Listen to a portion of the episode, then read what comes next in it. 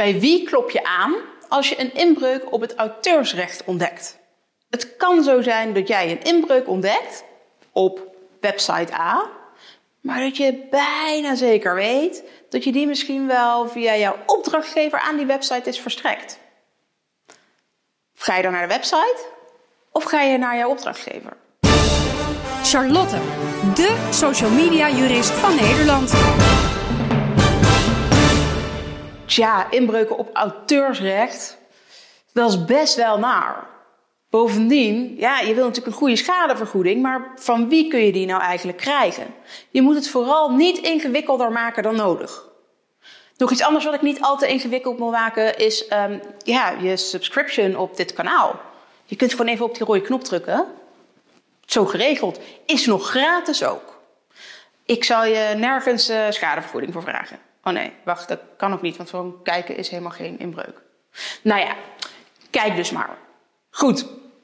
Stel dat jij dus die inbreuk op het auteursrecht ontdekt.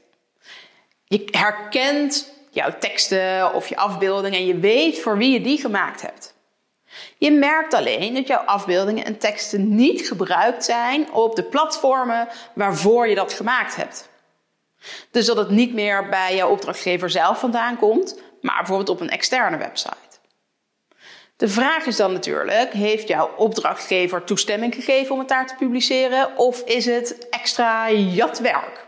Het vervelende is namelijk dat stel dat je die website er automatisch op aan zou gaan spreken. Joh, jullie hebben mijn teksten en afbeeldingen gebruikt, mag niet, want daar hebben we geen afspraken over gemaakt. Is een inbreuk op mijn auteursrecht, schadevergoeding is X. Ja, dan zegt die website misschien wel. Um, alles leuk en aardig, maar dat hebben we van die en die gekregen. En dat blijkt dan jouw opdrachtgever te zijn. Nou, op zich zou je dan nog steeds die website erop aan mogen spreken. En dan zouden zij het weer met jouw opdrachtgever moeten uitonderhandelen. Het kan best zo zijn dat in bijvoorbeeld algemene voorwaarden allemaal heeft gestaan dat uh, de teksten en afbeeldingen en whatever, die door, nou ja, in dit geval jouw opdrachtgever aan die website gegeven zijn, dat dat dus allemaal gewoon uh, goed geregeld moet zijn, dat dat een geldige licentie moet zijn, et cetera. Dat betekent dus dat die website dan zal zeggen: ja, luister, wij moeten nu schadevergoeding betalen. Um, terwijl wij hadden afgesproken dat we deze teksten en afbeeldingen mochten gebruiken. Dus uh, betaal jij die schadevergoeding maar. Dan komt waarschijnlijk die opdrachtgever weer bij jou terug. Ja, hallo, maar ik dacht dat ik deze teksten en afbeeldingen wel aan die website had mogen geven. Want ja, het is eigenlijk ook een beetje promotie voor mezelf. En ik heb daar zelf allemaal baat bij. En dat is toch waarom jij dit voor mij gemaakt hebt. Dus waarom zou dat dan eigenlijk niet mogen? Misschien waren jouw afspraken met die opdrachtgever wel niet duidelijk genoeg.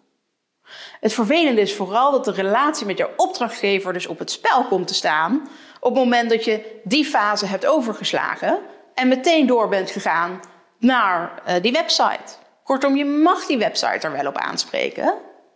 Maar de vraag is of die niet teruggaat naar jouw opdrachtgever, waardoor jij er alsnog last van hebt. Misschien kun je beter die opdrachtgever er dan op aanspreken. Goh, ik kom daar teksten en afbeeldingen tegen uh, die ik voor jou heb gemaakt. Kan het zijn dat jij die hebt doorgestuurd? Dus dan eerst een beetje met zo'n open vraag stelt, dan zul je ook een vriendelijker antwoord krijgen. Ja, ja, klopt, heb ik doorgestuurd, want uh, ze maken verder ook uh, reclame voor mij. Dan kun je er vervolgens voor kiezen of je je opdrachtgever daarop aanspreekt of niet. En dat je dan zegt, ja, luister, dit waren onze afspraken niet. Nu is het een inbreuk op mijn auteursrecht geworden.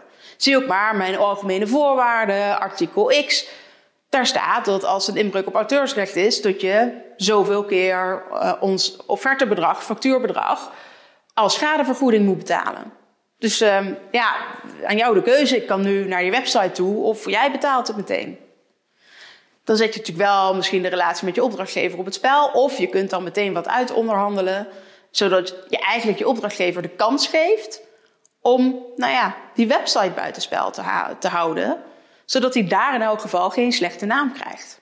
Kortom, wat je niet moet doen is op het moment dat je een inbreuk ontdekt, meteen maar naar zo'n website gaan. Maar als je weet voor wie je het gemaakt hebt, eerst even checken bij je opdrachtgever. Want misschien kun je daar al een schikking mee treffen. En dan hou je het een stuk minder ingewikkeld dan als het eerst via de route van die website zou moeten lopen. Bovendien kun je daar de relatie met je opdrachtgever nog mee redden. Mocht je nou vragen hebben over dit soort inbreuken en hoe je dit strategisch het beste aan kunt pakken, Drink dan vooral even een oploskoffie met me. Die kun je boeken via de website. Of als je meer zelf wil doen, gebruik vooral even de sommatiebrief die je kunt downloaden in onze online store. Die kun je zelf dan verder invullen en schrijven en opsturen. En dan weet je zeker dat die juridisch goed in elkaar zit en dat daar dus ook makkelijker opvolging aan gegeven kan worden.